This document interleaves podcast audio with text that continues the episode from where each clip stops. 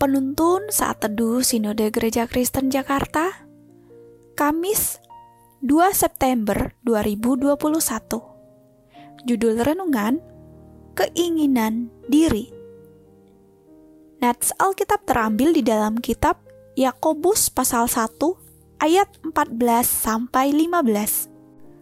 Tetapi tiap-tiap orang dicobai oleh keinginannya sendiri, karena ia diseret dan dipikat olehnya. Dan apabila keinginan itu telah dibuahi, ia melahirkan dosa. Dan apabila dosa itu sudah matang, ia melahirkan maut. Sebuah film berjudul Conversions of a Sappholic menceritakan tentang Rebecca Bloomworth yang kecanduan belanja.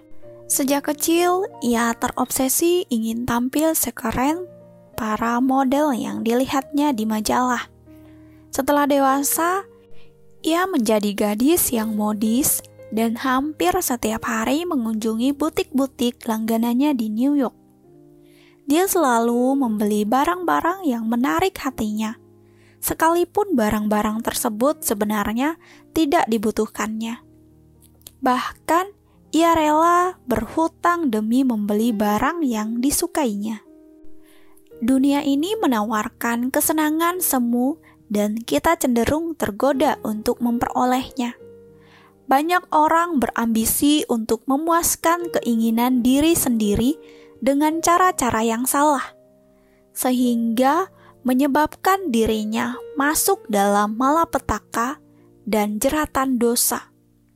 Yakobus mengingatkan kita, tiap-tiap orang dicobai oleh keinginannya, karena ia diseret dan dipikat olehnya. Ayat 14 Keinginan yang dimaksud adalah hawa nafsu yang ada di dalam diri manusia.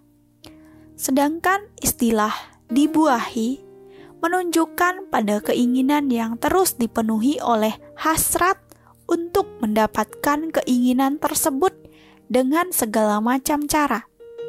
Tanpa ada pertimbangan secara seimbang, apakah keinginan itu baik atau buruk bagi diri sendiri ataupun orang lain. Apakah keinginan itu sesuai kehendak Tuhan atau tidak?